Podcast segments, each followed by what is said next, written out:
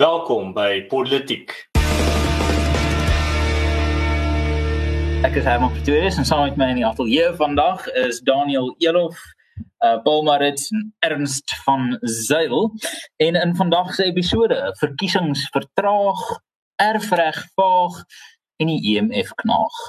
Ons spring hierdie week weg met ons eerste onderwerp en dit is verkiesingsvertraag. Nou soos ek die grapjie al reeds gemaak het, gaan ek hom sommer net weer herhaal om te sê ek weet nie of uh verkiesingsvertraag noodwendig bedoel dat verkiesings as konsep is 'n simpel idee nie en of ons bedoel verkiesings word uitgestel nie. Maar daar was hierdie week twee interessante nuus gebeure oor verkiesings. Die eerste ene is die EFF en die ANC het beide aangekondig of hulle het gesê dat hulle gaan 'n voorstel maak aan die ehm um, onafhanklike verkiesingskommissie waar hulle sê dat volgende jaar se munisipale verkiesings moet uitgestel word as gevolg van hierdie pandemie en dat ons eerder hierdie geleentheid moet gebruik om die nasionale verkiesings wat elke elke 5 jaar gebeur met ander woorde dis 1994 die eerste en 99 so gebeur elke keer op hierdie 4 en 9 jare en dat ons dit alles moet sinkroniseer so die nasionale verkiesings munisipale verkiesings alles saam. So dis die eerste interessante punt. En dan natuurlik die tweede interessante punt van uh, uh oor oor presies verkiesingsvertraag en wat op die oomblik gebeur is ons het gesien dat daar groot verandering in die Suid-Afrikaanse verkiesingsstelsel gebeur het in die afgelope week met die grondwetlike hof wat aangekondig het dat onafhanklike kandidaate kan nou wel staan vir nasionale verkiesings. So dit was 'n groot week vir ons verkiesingsstelsel en dit mag dalk nog groter wees as die ANC en die EFF hulle sin kry. Uh, as ek myself eers kan aan meer aan meer dan wat ek Ek het twee punte van van kommentaar. Eerstens Daniel, ek stem saam met jou, is 'n baie binnende week. Uh veral vir die ouens wat so 'n bietjie meer tegnies na die politiek kyk. Ons ons al vier het in verskillende mate blootstelling in in die studie van politiek en baie keer geniet mense politiek. Ehm um, maar as jy agter agterom gaan kyk dan sou dan sou 'n klomp goeters natuurlik wat die bal in die rol hou. Die feit dat 'n onafhanklike kandidaat kan staan is interessant. Ek moet wel saamstem met 'n paar analiste wat sê dat dit gaan uiteindelik dalk maar net lei tot 'n langer stembrief. Ek weet nie noodwendig ek dink in Suid-Afrika dalk die meerderheid is maar redelik lojaal in die gedagte van 'n party. Natuurlik, ek dink die naam wat almal noem is die naam van Herman Mashaba. Ons weet dat meneer Mashaba as 'n kandidaat baie sterk is en enigste rede dink nie enigste rede nie, maar um, ek dink hy hy sou sterker oorweeg om om alleen te staan as hy kon. Hy het eintlik maar vir die DA gestaan want hy kon vir hom 'n bietjie steun gee, maar verder as dit hy moes ook in 'n party staan en miskien is dit iemand vir wie die onafhanklike gedagte kan werk. Wat ek verder wil sê in terme van die EFF en die ANC wat hierdie voorstel gemaak het. Onthou, uh, daar's die, die ou lese met nooit 'n goeie krisis laat vermors nie. En ons weet dat die ANC histories baie sleg is in die munisipale verkiesings wat met ander woorde, ehm um, kom ons sê dan nou ongeveer ehm um, 2 jaar gebeur nadat ons die nasionale verkiesing het. Hoekom? uh in die woorde van professor Koos Malan wat ek al gereeld aangehaal het in, in hierdie gesprekke die ANC het 'n verkiesing masjien wat hulle busse en McDonald's en T-shirts en al die goed regkry maar hulle kan dit net een keer elke 5 jaar bekostig hulle kan dit nie elke 2 en 'n half jaar bekostig nie ons weet dat daar vir die inherente um samehang van 'n party is dit goed om verkiesings te hê mobiliseer na verkiesing toe maar die ANC weet dat hulle in hierdie verkiesings histories sleg doen so hulle sal verkies om vir hulself tyd te wen om dalk meer tyd te hê vir 'n strategie of gewoon om die DA bietjie van stryk te bring uh, en hulle strategie in die wiele te ry natuurlik die DA beplan 10 10 en al 'n jaar aan die munisipale verkiesings wat kom. So ek dink uiteindelik dit is baie duidelik waar die onderhoud van die EFF en die ANC uithang. Ehm um, en in terme van die onafhanklike kandidaate is my oog op meneer Mashaba indien enigsins ek dink nie ons moet dit sien as hierdie uh, as hierdie ewe skielike knoppie wat jou wat die Suid-Afrikaanse politiek net gaan verander nie. Ek moet sê die ehm um, niemand uh, geen politieke party uh wat gemaklik voel in hulle in in in in hulle posisie uh wil ooit nie na die stembus toe gaan nie. Ehm um, so die die feit dat die ANC en die EFF uh bietjie skrikkerig is vir die stembus op hierdie stadium is ek bedoel dis vir my uh musiek tot my ore. So ek ek ek is regtig uh, dit is vir my baie interessant om dit te hoor. Ehm um, want dit is 'n uh, ek dink dit is 'n is 'n is 'n drastiese vorm van van paniek. Ehm um, ek dink hulle besef die ehm um, hantering uh ja oh, wat Paul Paul maak nou een of ander kommentaar oor Theresa May. Los die arme vrou uit. Sy het genoeg gelei. Ehm um, gelei in beide sinne van die woord. Ehm uh, maar die die die die kwessie hier is dat die ANC ehm um, het het hierdie COVID-19 krisis aklig hanteer. Ek dink hulle het en en en meneer Ramaphosa het 'n unieke gawe hiervoor om met die land se welwillendheid te begin en dan alles fout te doen van daai punt af aan en daai welwillendheidskapitaal eenvoudig te mors. Ons het dit gesien met die begin van sy presidentskap. Ons het dit gesien na laas jaar se verkiesing. En ons het dit nou gesien met die inperking waar wat se 84% van die land was ten gunste van 'n inperking vir die eerste 3 weke en van daar af het dit elke week omtrent al veer. So dit is dit is dis 'n unieke geleentheid dat meneer Ramaphosa ehm um, mis nooit 'n geleentheid om 'n geleentheid te mis nie. So ek moet sê dit is uh dit is dis dis pragtig. Ek ek is ek is gek daarna. Ehm um, en dan ek ek sien daarso is 'n is is 'n is 'n kommentaar hierso op uh YouTube. Ehm um, wat wat wat die die die aanname wat wat ons net versigtig nie moet maak nie is dit is nog nie duidelik hoe die kiesstelsel gaan werk nie. Um die huidige kieswet is ongrondwettig verklaar en um daar daar daar die die die stelsel wat hom vervang wat toelaat dat onafhanklike kandidaate kan staan.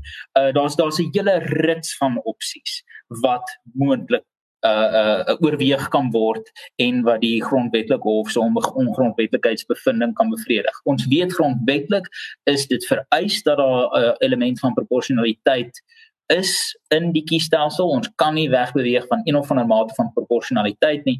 Maar mens kan gaan kyk na die uh van sy slabbert verslag. Um wat wat 'n hibriede stelsel voorstel van gedeeltelike proporsionele verteenwoordiging en dan kieswyk verteenwoordiging. So ek ek dink nie ons ons moet op hierdie stadium te veel aannames maak op wat die gevolge van onafhanklike kandidaate gaan wees en selfs wat die wat die wat die vatbaarheid daarvan gaan wees nie. Um dis dis dis dis heel moontlik dat meneer Mashaba gaan moet staan in 'n kieswyk en as hy moet staan in 'n kieswyk en die DA of die ANC wil hê dat hy nie verkies word nie, dan kan hulle van hulle sterkste kandidaate daar laat staan. Verstaan daar's daar's 'n klomp opsies ehm um, wat ons hier kan gebruik om die kieswet te hersien. Dis nie noodwendig 'n geval dat jou onafhanklike dat daar 'n spesifieke aantal setels in die parlement is wat toegeskryf word aan onafhanklike uh, nie partydige kandidaate nie. Maar ek dink dit is dit is vir my baie interessant dat die dat dat wanneer 'n politieke party bang is vir die stembus, dan sê dit ongelooflik ongelooflik baie. Ja, nee, ek eh, ek stem 100% saam. Ek dink uh, iets wat definitief 'n groot rol gespeel het soos wat jy reg gesê het daar Herman is definitief die die hele um, staat van inperking wat die ANC net heeltemal opgemors het. Ek het aan die begin van die staat van inperking het ek nogal kontroversieel gesê dat hierdie staat van inperking kan uh die een van die ANC 'n groot oorwinning vir die ANC wees en hulle kan eintlik nogal 'n baie groot ding hiervan maak en uh baie nuwe stemmers terug uh Cyril kon sy uh hy het vir 'n kort tydjie sy Ramaphosa teruggekry soos, ons gesien het maar toe het hy vinnig weer uh verloor. Ek dink uh, die ANC hierso het definitief baie effektief uh 'n nederlaag uit die uit die kloue van oorwinning uitgegryp. En wat ons nou sien hierso is definitief dink ek wat uh volgende jaar nou 'n rol speel is die feit dat dit teen die tyd wat die verkiesings volgende jaar gaan kom, gaan mense nog baie gaan dit nog baie rou in hulle geheue wees uh, die gebeure van 2020. En ek dink die ANC is baie uh, is baie sterk bewus daarvan. In terme van die die die nuwe verwikkeling in terme van enkel kandidaate wat nou gaan kan staan uh, om in 'n verkiesing deel te neem, ek dink dit gaan nog hulle dis 'n interessante ontwikkeling nog baie veelste vroeg om te sê. Ek dink nie dis iets wat ons kan verwag om in die volgende paar jaar te sien nie ons sal maar moet sien. Uh, maar ek ja ek dink dit sal nou dit sal bietjie uh, oorhaastig wees om nou al te begin sê maar dit gaan Suid-Afrikaanse politiek verander vir hmm. altyd.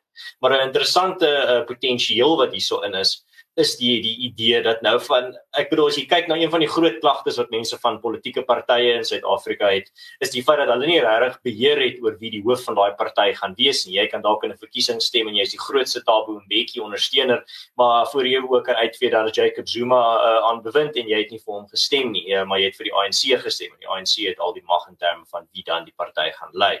En ek dink daai dinamiek uh, spesifiek uh, gaan aangetast word as hierdie met hierdie ontwikkeling waar daar nou spesifiek net 'n leier kan staan eerder as 'n party want daai leier gaan effektief kan sê ehm um, maar ek sal uh, ek gaan by my beginsels bly en staan en aan die einde van my bewind gaan ek ten minste nog steeds daar wees en ek en my beginsels ook nog so. So ek dink daai bietjie ekstra sekerheid wat kan beloof word veral deur 'n populistiese leier uh, wat weet hoe met sy retoriek te speel en te smee ehm um, gaan nogal baie interessant wees vir die Suid-Afrikaanse politiek, maar dis nou nog ver te vroeg om te sê. Maar ons kan al so 'n bietjie 'n uh, bietjie droom in terme van uh, wat dalk in die toekoms kan voorlê. En as jy het gesê dat uh, nou gaan enkel kandidaate kan staan, toe ek dink jy sê nou uiteindelik kan enkel lopende kandidaate vir verkiesing staan, dan dink ek wel daar's hoop vir Herman dan ten minste. Maar wel, uh, kom ons gaan hoop is 'n sterk woord. En maar ek moet net ook een ding sê dat ek ek sien in die ek sien in die openbare eh, kommentare dat uh daarso is daarso is nie um 'n manier waar ongrondwetlike kandidaate uh, op proporsioneel kan funksioneer nie. Daar is uh sulke stelsels waar daar 'n spesifieke aantal setels toegeskryf kan word aan onafhanklike kandidaate en dat hulle dan ook um soortgelyk as 'n lysstelsel funksioneer. Uh maar dis hoe dis ek dink erns is heeltemal reg daar so dit is veel te vroeg om te sê. Ons weet nog nie hoe die stelsel gaan lyk nie en die stelsel se funksionering gaan gaan regtig hierdie ding maak of breek of baie erg breek. Nou kom ons uh, gaan dalk oor na een mens se uh, onlangse kommentaar wie ons definitief nie gaan raadpleeg en vra hoe hierdie stelsel moet lyk nie alhoewel hy uh, homself voorhou as 'n absolute grondwetlike kenner en dis natuurlik meneer Pierre de Vos wat allerhande uh onsinnighede hierdie afgelope week kwyt geraak het. Nou, uh, ek gaan dit maar kort hou want ek weet uh, al ek en al drie ander manne ook het, het baie om te sê. Hierso so kom ons uh, hou dit maar eenvoudig. Uh, Pierre de Vos het 'n uh, uh, opiniestuk geskryf en soos jy gesê het, daar Daniel, hy is 'n uh, groot uh, kenner op die die die veld van uh, die grondwet en hy het 'n opiniestuk geskryf waar hy gesê het dat uh, ons moet nou ehm um, erf erfreg uh, afskaf. En of uh, wel ten minste uh, ek, ek kan nie onthou of dit spesifiek gesê net 'n verskriklike groot belasting daarop moet sit en of ons dit heeltemal moet afskaf nie. Ek dink heeltemal moet afskaf as ek reg onthou. En uh, baie mense het nie daarvan gehou nie en Pierre de Vos het nie hou van die feit blykbaar dat baie mense nie van sy opinie gehou het nie. Want hy het uh, nogal op sosiale media sterk homself uh, uh, probeer verdedig Ehm um, maar ja, ek weet eh uh, Daniel jy het baie om daaroor te sê. So miskien moet jy sommer vir ons die fondasie van analise daar lê uh in terme van hierdie onderwerp. Ja, ek ek sal vinnig wegspring dan sal ek oor gaan Paulus en ek weet hy het ook 'n paar goed om hieroor te sê. Ehm um, vir my is dit is dit regtig eenvoudig ehm um, en en dis my snaaks eintlik.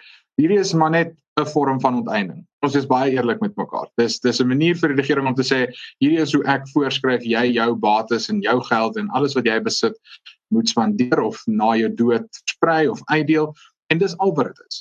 Dit is uh, dis dis maar net 'n uh, onteiening op 'n ander manier ge, uh, mooi ingekleer of geborduur. Dis dieselfde soos baie goed in Suid-Afrika op die oomblik. NGV is eintlik maar net 'n mooi manier van van uh, wyse van onteiening. Onteiening sonder vergoeding uit die aard van die saak is net onteiening. Voorgeskrewe bates op maar net onteiening. Dis 'n manier waar die regering vir sê hierdie is hoe jy voorgeskryf word om jou geld wat jy verdien het te gebruik. So ehm um, ek dink die mense moet dink jy sien edele motiewe agter dit nie. Ehm um, al is dit Pierre de Vos wat dit voorstel, dit gebeur onder druk van 'n absolute 'n tydsgees waarin ons lewe waar hy dink dis aanvaarbaar en ek dink hy het eerlik dit gesê om 'n paar brownie punte te skoor. Ek dink hy ehm um, dit is 'n weldeurdagte regsargument wat hy probeer gee het om te sê dit gebeur nie as mense ook gaan lees die artikel waarin dit beskryf het dis nie 'n regsargument nie al wat hy besig is om te beskryf is om te sê wel hier is hierdie probleem wat hy glo is 'n uh, ongelykheid en ongelykheid kan aangespreek word deur hierdie drastiese ingryping in die erfreg in Suid-Afrika. Dis eenvoudig al wat dit is. Ehm um, ek ek is nie heeltemal seker hoe dit sal vaar of nie. Die probleem is dit hang maar af van wie op die ou op die bank sit. Uh, maar ek dink nie hierdie is 'n onmiddellike bedreiging nie. Hier is iets wat binne 'n paar jaar gebeur nie maar ons moet daar bly dat soos wat grondontheeming ook maar 20 jaar terug net iets was is en dis iets wat in die akademie was maar nie noodwendig die breër bevolking bespreek is nie. Nou is dit ons 20 jaar later en dit is 'n werklikheid. En verweeg word moontlik binnekort uh, werklikheid gaan word. So mens moet versigtig wees mens moet daar Ja, so um, ek ek dink vir my lê dit 'n paar punte. Ten eerste onthou dat hierdie politieke ehm um, flare is wat uitgeskiet word.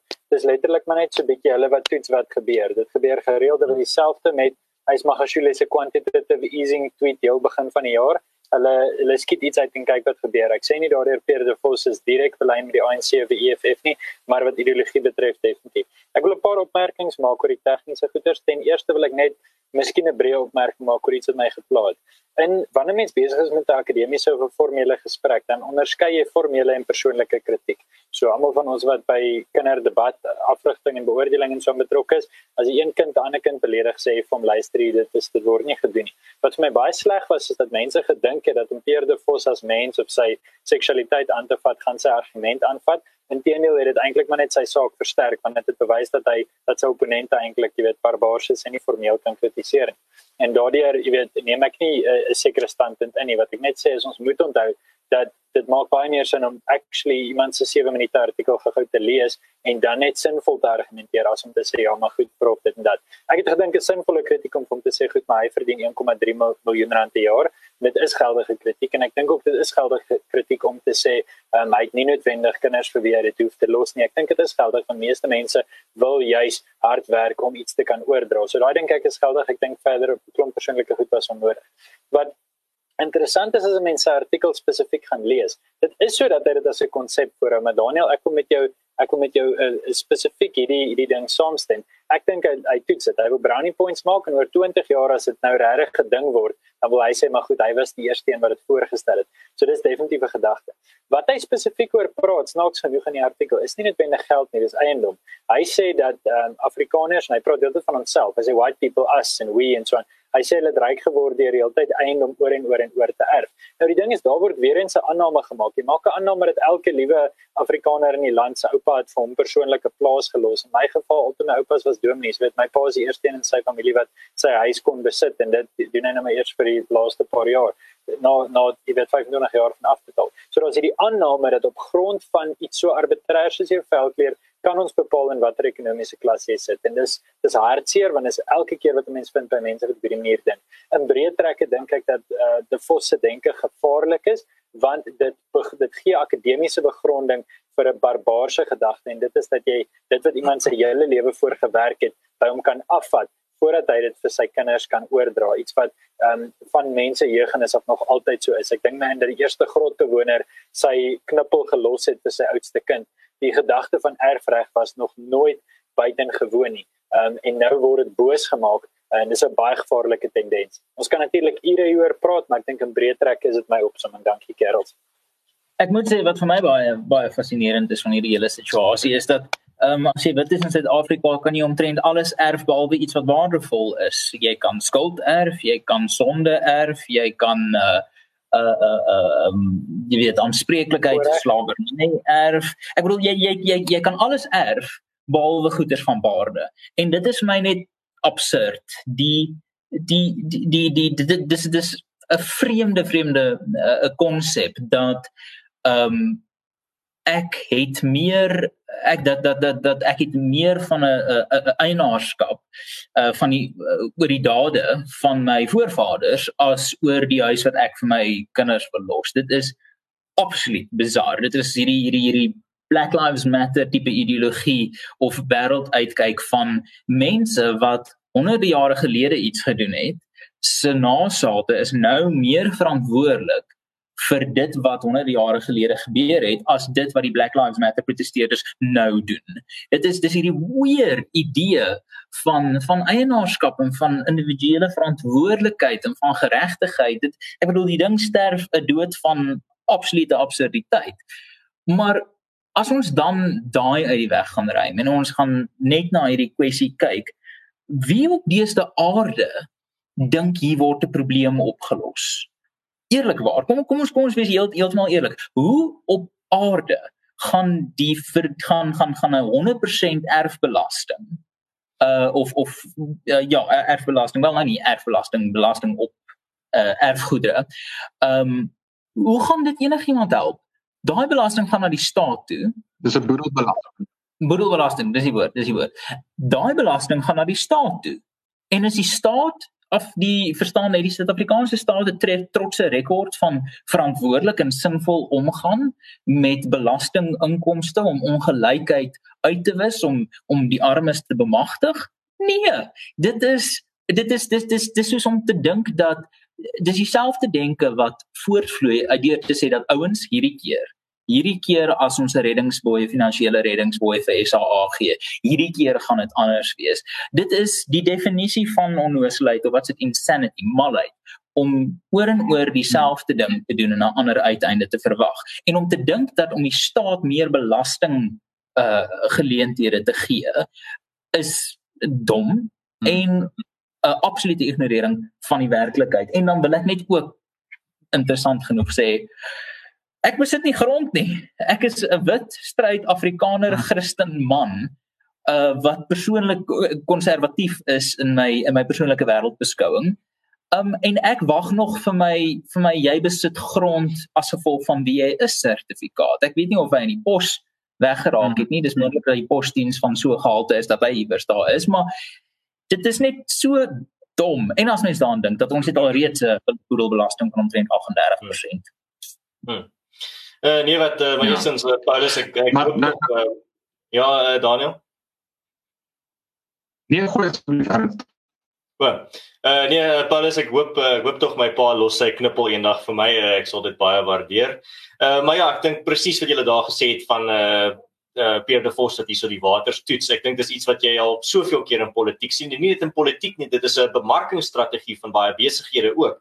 Dis hulle sal 'n sekere idee eers net so half uh net lig weg net laat uh, laat gaan of laat lek en dan kyk hulle wat wat mense sê en dan kyk hulle hoe die mense reageer en dan uh, gaan hulle so vorentoe en dan in die toekoms dan uh, dan het weet het hulle bietjie meer beheer oor daai risiko van voordat hulle net 'n uh, besluit soos dit neem. Uh, maar ek dink wat interessant is in hierdie hele debat is as jy kyk na Swede, ek dink dit was Russell Lamberti wat op Twitter hierdie punt gemaak het waar hy uitgewys het dat Swede het hulle boedelbelasting afgeskaf want hulle sê dit het besigheidseienaars net te veel benadeel. Hulle kon nie uh suksesvolle besighede aan die gang hou nie want dan sodra hulle dit byvoorbeeld vir hulle kind of iemand wil los dan kan dit nie en dit maak dit te moeilik vir hulle om enige kapitaal te los vir vir iemand in 'n familie en 'n besigheid te bou soos wat uh, menslike natuur nou is in terme met sulke goed. Um en dan ook ek dink dit maak dit on, onmoontlik vir iemand van 'n van 'n arm van 'n arm agtergrond om dan enigsins uh, daai lokval van van armoede te ontsnap. Daar's geen manier dan as as byvoorbeeld jy van 'n arm agtergrond afkom en jy werk hard sodat jy iets eendag vir jou kinders kan los dat hulle iets vir daarmee kan bou en op daai rykdom kan bou. Ehm um, daai hele idee word nou vernietig uh, met uh, met hierdie idee van van Pierre de Vos en, en hy dink dat dit gaan vir almal gelyk maak, maar dit gaan net weer vir almal ewe arm maak en dit gaan vir almal in daai armoede lokval sit. Maar die enigste effektiewe manier om regtig armoede te ontsnap of een van die die mees effektiewe maniere is om daai um, generasies te hê van waar een persoon baie hard werk, hy los iets vir sy kinders en sy kinders bietjie van 'n fondasie het waarop hulle kan bou en so gaan dit aan en dit is 'n dit is 'n waarde wat baie kulture in die wêreld inherënt as deel van hulle kultuur het as jy los vir jou nageslagte iets. Ek bedoel as die Grieke wat gesê het uh dit is die dit is die teken van 'n beskawing as 'n uh, as 'n man 'n boom plant wat hy weet hy nooit onder sal sit nie of 'n boom waarvan hy nooit die vrugte sal eet nie. Dit is dit is die hele dis een van die wortels van beskawing. So om dit dan te probeer vernietig dink ek is is absoluut absurd en ek dink uh, dis reg dat mense vir uh vir weer onnoosel noem in hierdie in die was sonder om hom persoonlik aan te val. Deur eerder maar net te sê maar jou idee, jou idee is absoluut absurd en uh, ons gaan dit nie aanvaar nie want ons kan sien waartoe dit gaan lei. Uh maar ja, ehm um, gepraat van geld, uh, ek weet daar Herman, jy brand 'n bietjie te praat oor internasionale geld, meer spesifiek die die uh, IMF. Ja, nee, dit is ehm um, dit is dit is 'n vreemde gesprek van wie is geregtig op wie se geld deesdae.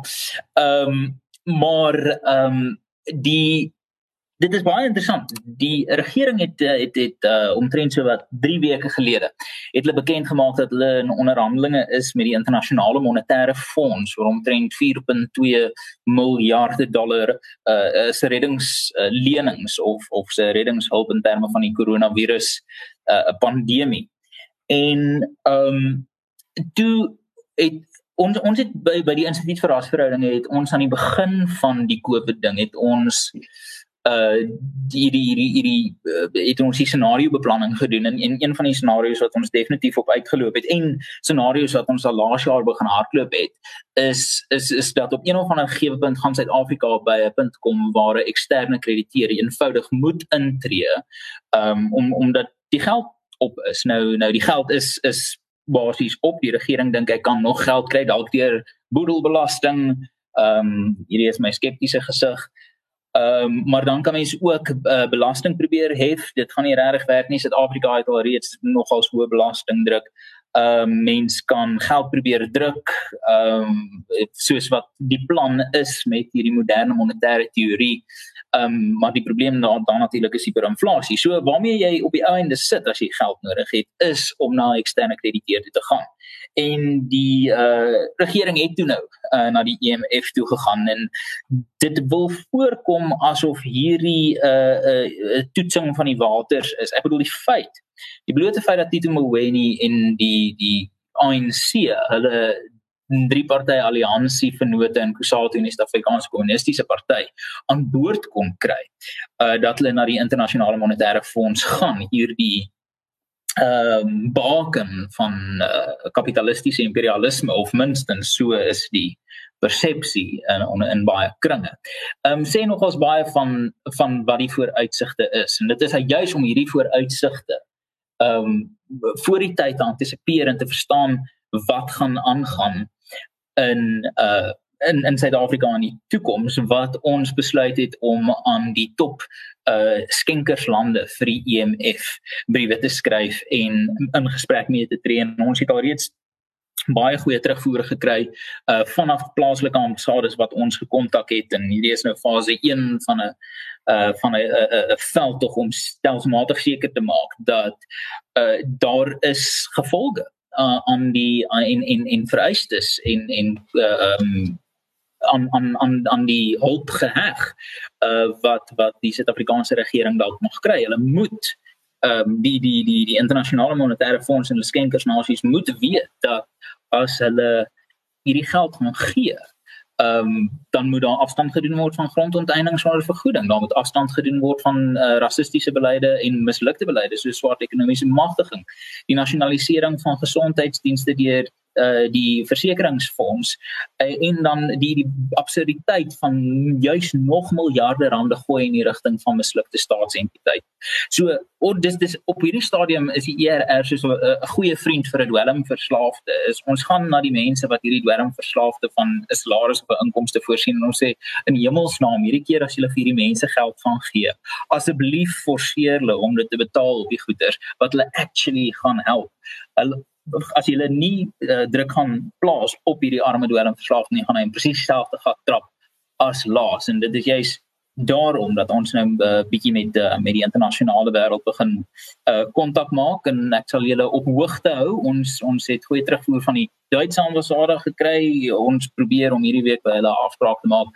Ehm um, hulle is toe vir you know van 'n uh, bizarre rede. Maar soos soos ons met met hierdie lande in gesprek tree uh, sal ons soos die uh, die internasionale diplomatieke uh, kodes en protokols uh, reg staan uh, julle op hoogte hou.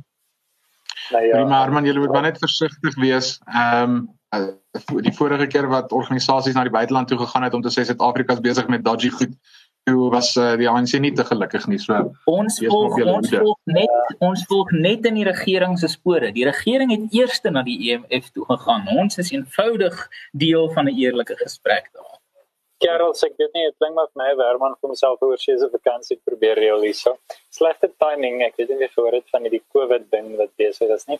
Maar uh, vir meer ernstig net COVID. Wie is COVID? Ek kom aan halfte van ons is COVID.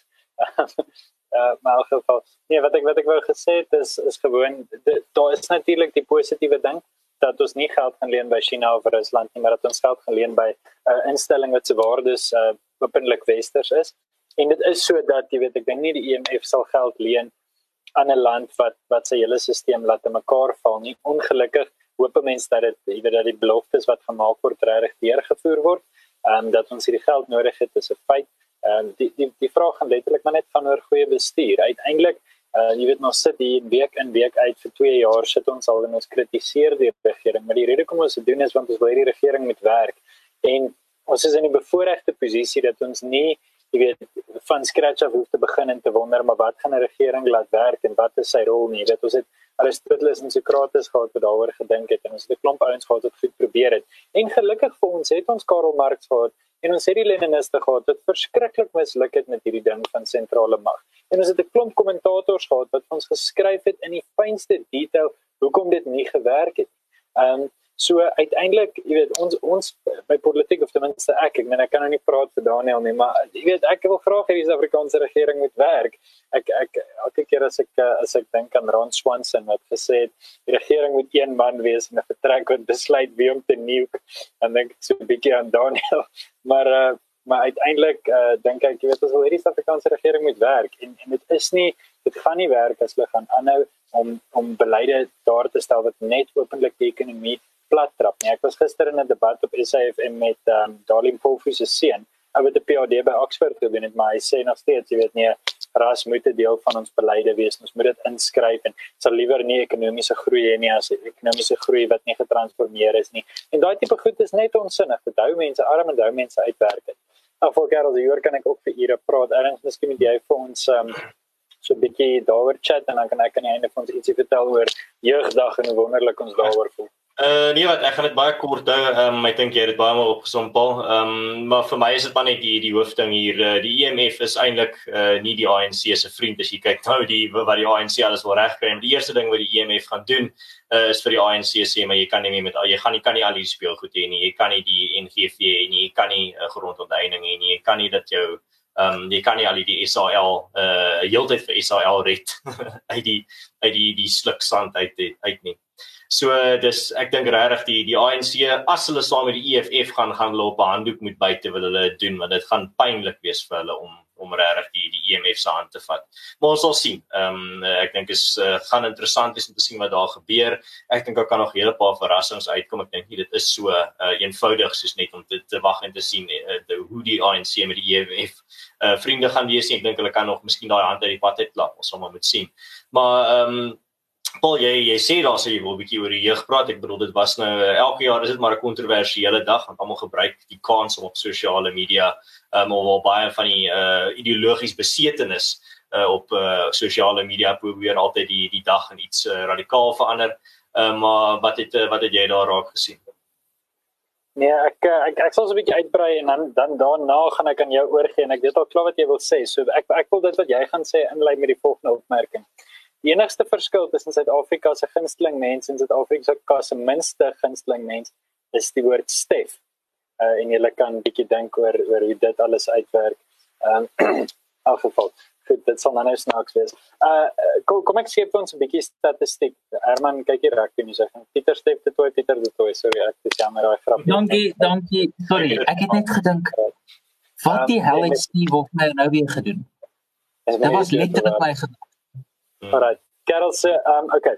Daar's daar's 'n uh, interessante statistiek in Suid-Afrika wat die die um die CDE uh die wat uh, die Congress for ek uh, nou presies hulle verstaan nie maar nou vol is al naby wets en hulle proter enterprise en wat ek al democracy en ag hulle het 'n ding uitge uh, uitgebring eergister wat hulle praat oor die statistiek van jeug. En daar's 'n interessante statistiek, hoeveelheid jeug wat nie in opleiding is nie en ook nie werk nie. Jy met uh, not in education or training so nie in EET. En daar's in Suid-Afrika tussen 15 en 34 is daar 8,2 miljoen mense wat in hierdie syfer uh, staan. Ons is eerste in die wêreld met jeugwerkloosheid bo 70%.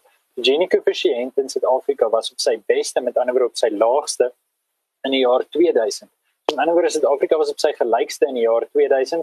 Uh so vanaf BEE ingestel is word Suid-Afrika net stelselmatig meer ongelyk. Dis baie belangrik om dit te meld.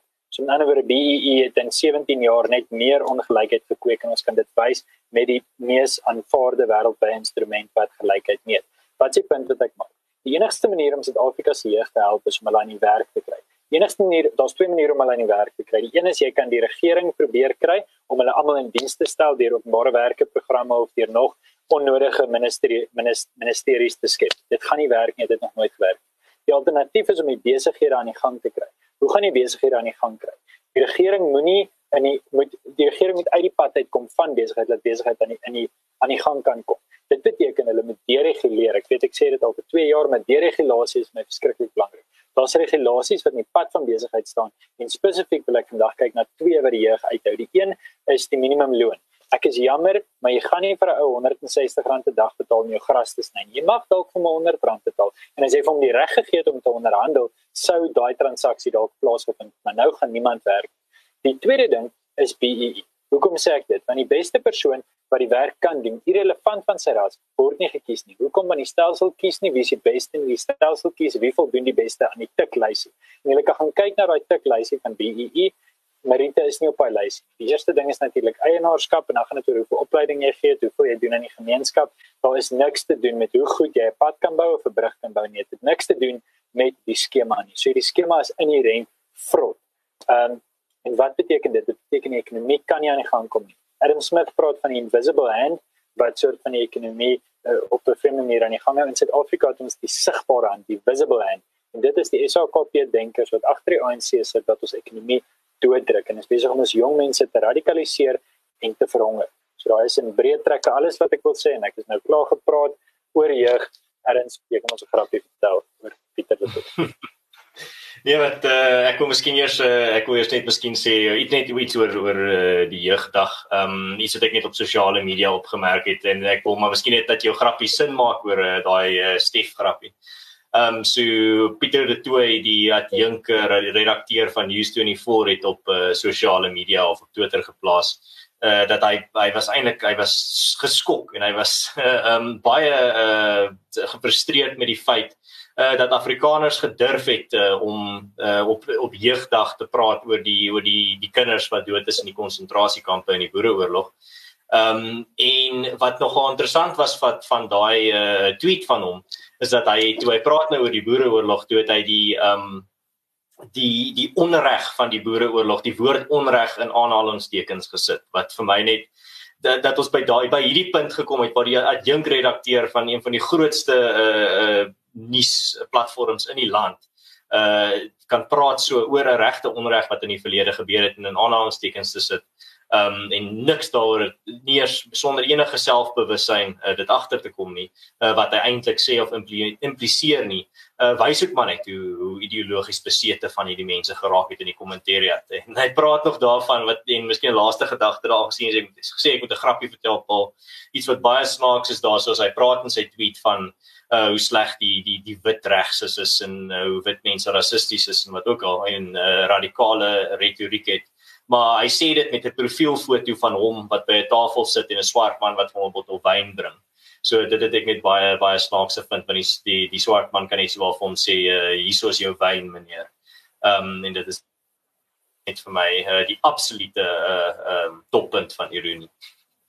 Yep. Ja, nee, ek bedoel as mens as mens white privilege wil sien in beeldvorm maar ehm um, die ek wil gou hier net vinnig sê ek kry nou net 'n kennisgewing dat ons vanaand 8 uur met ander woorde môreoggend 03 ehm um, gaan president Ramaphosa met die nasie praat. So dis dalk nie 'n blinkkant bo nie. Dis dalk net een of ander ek, ons kan die blink dalk wegvat. Maar ehm um, wat ons gaan terug na? Fase 5. Ek gaan net die skaap in fase 5 sit. Dit sal ongelooflik snaaks wees. Dis uh, net ons gaan na fase 3 met sprinkles. Dis snaaks is snaaks een manier om dit te sê, maar ek wil ook afsluit op 'n grappie. So hierdie sal 'n baie vinnige een wees. Adrian Basson. Ag, reg. Okay, wel uh ja, so so niks anders. Uh dit is net nog een ding kan bepaal uh, jy het laasweek daar gepraat en miskien vir die luisteraars wat nie dit uh, nie laasweek uh, geluister het nie, jy het 'n boek wat nou beskikbaar is. Ja, so dames en here, um, ek het 'n boek geskryf op die Kaner Toekoms 101, hy's op my Twitter. Ek sal dit ook op Facebook weer deel. Um, so dit dit gaan dis maar net 15 vrae vir jong Afrikaners goed soos immigrasie, Afrikaanse skole, Afrikaanse universiteite. Goed om ek nog al die al die jare met woorstels en praat bietjie oor dit.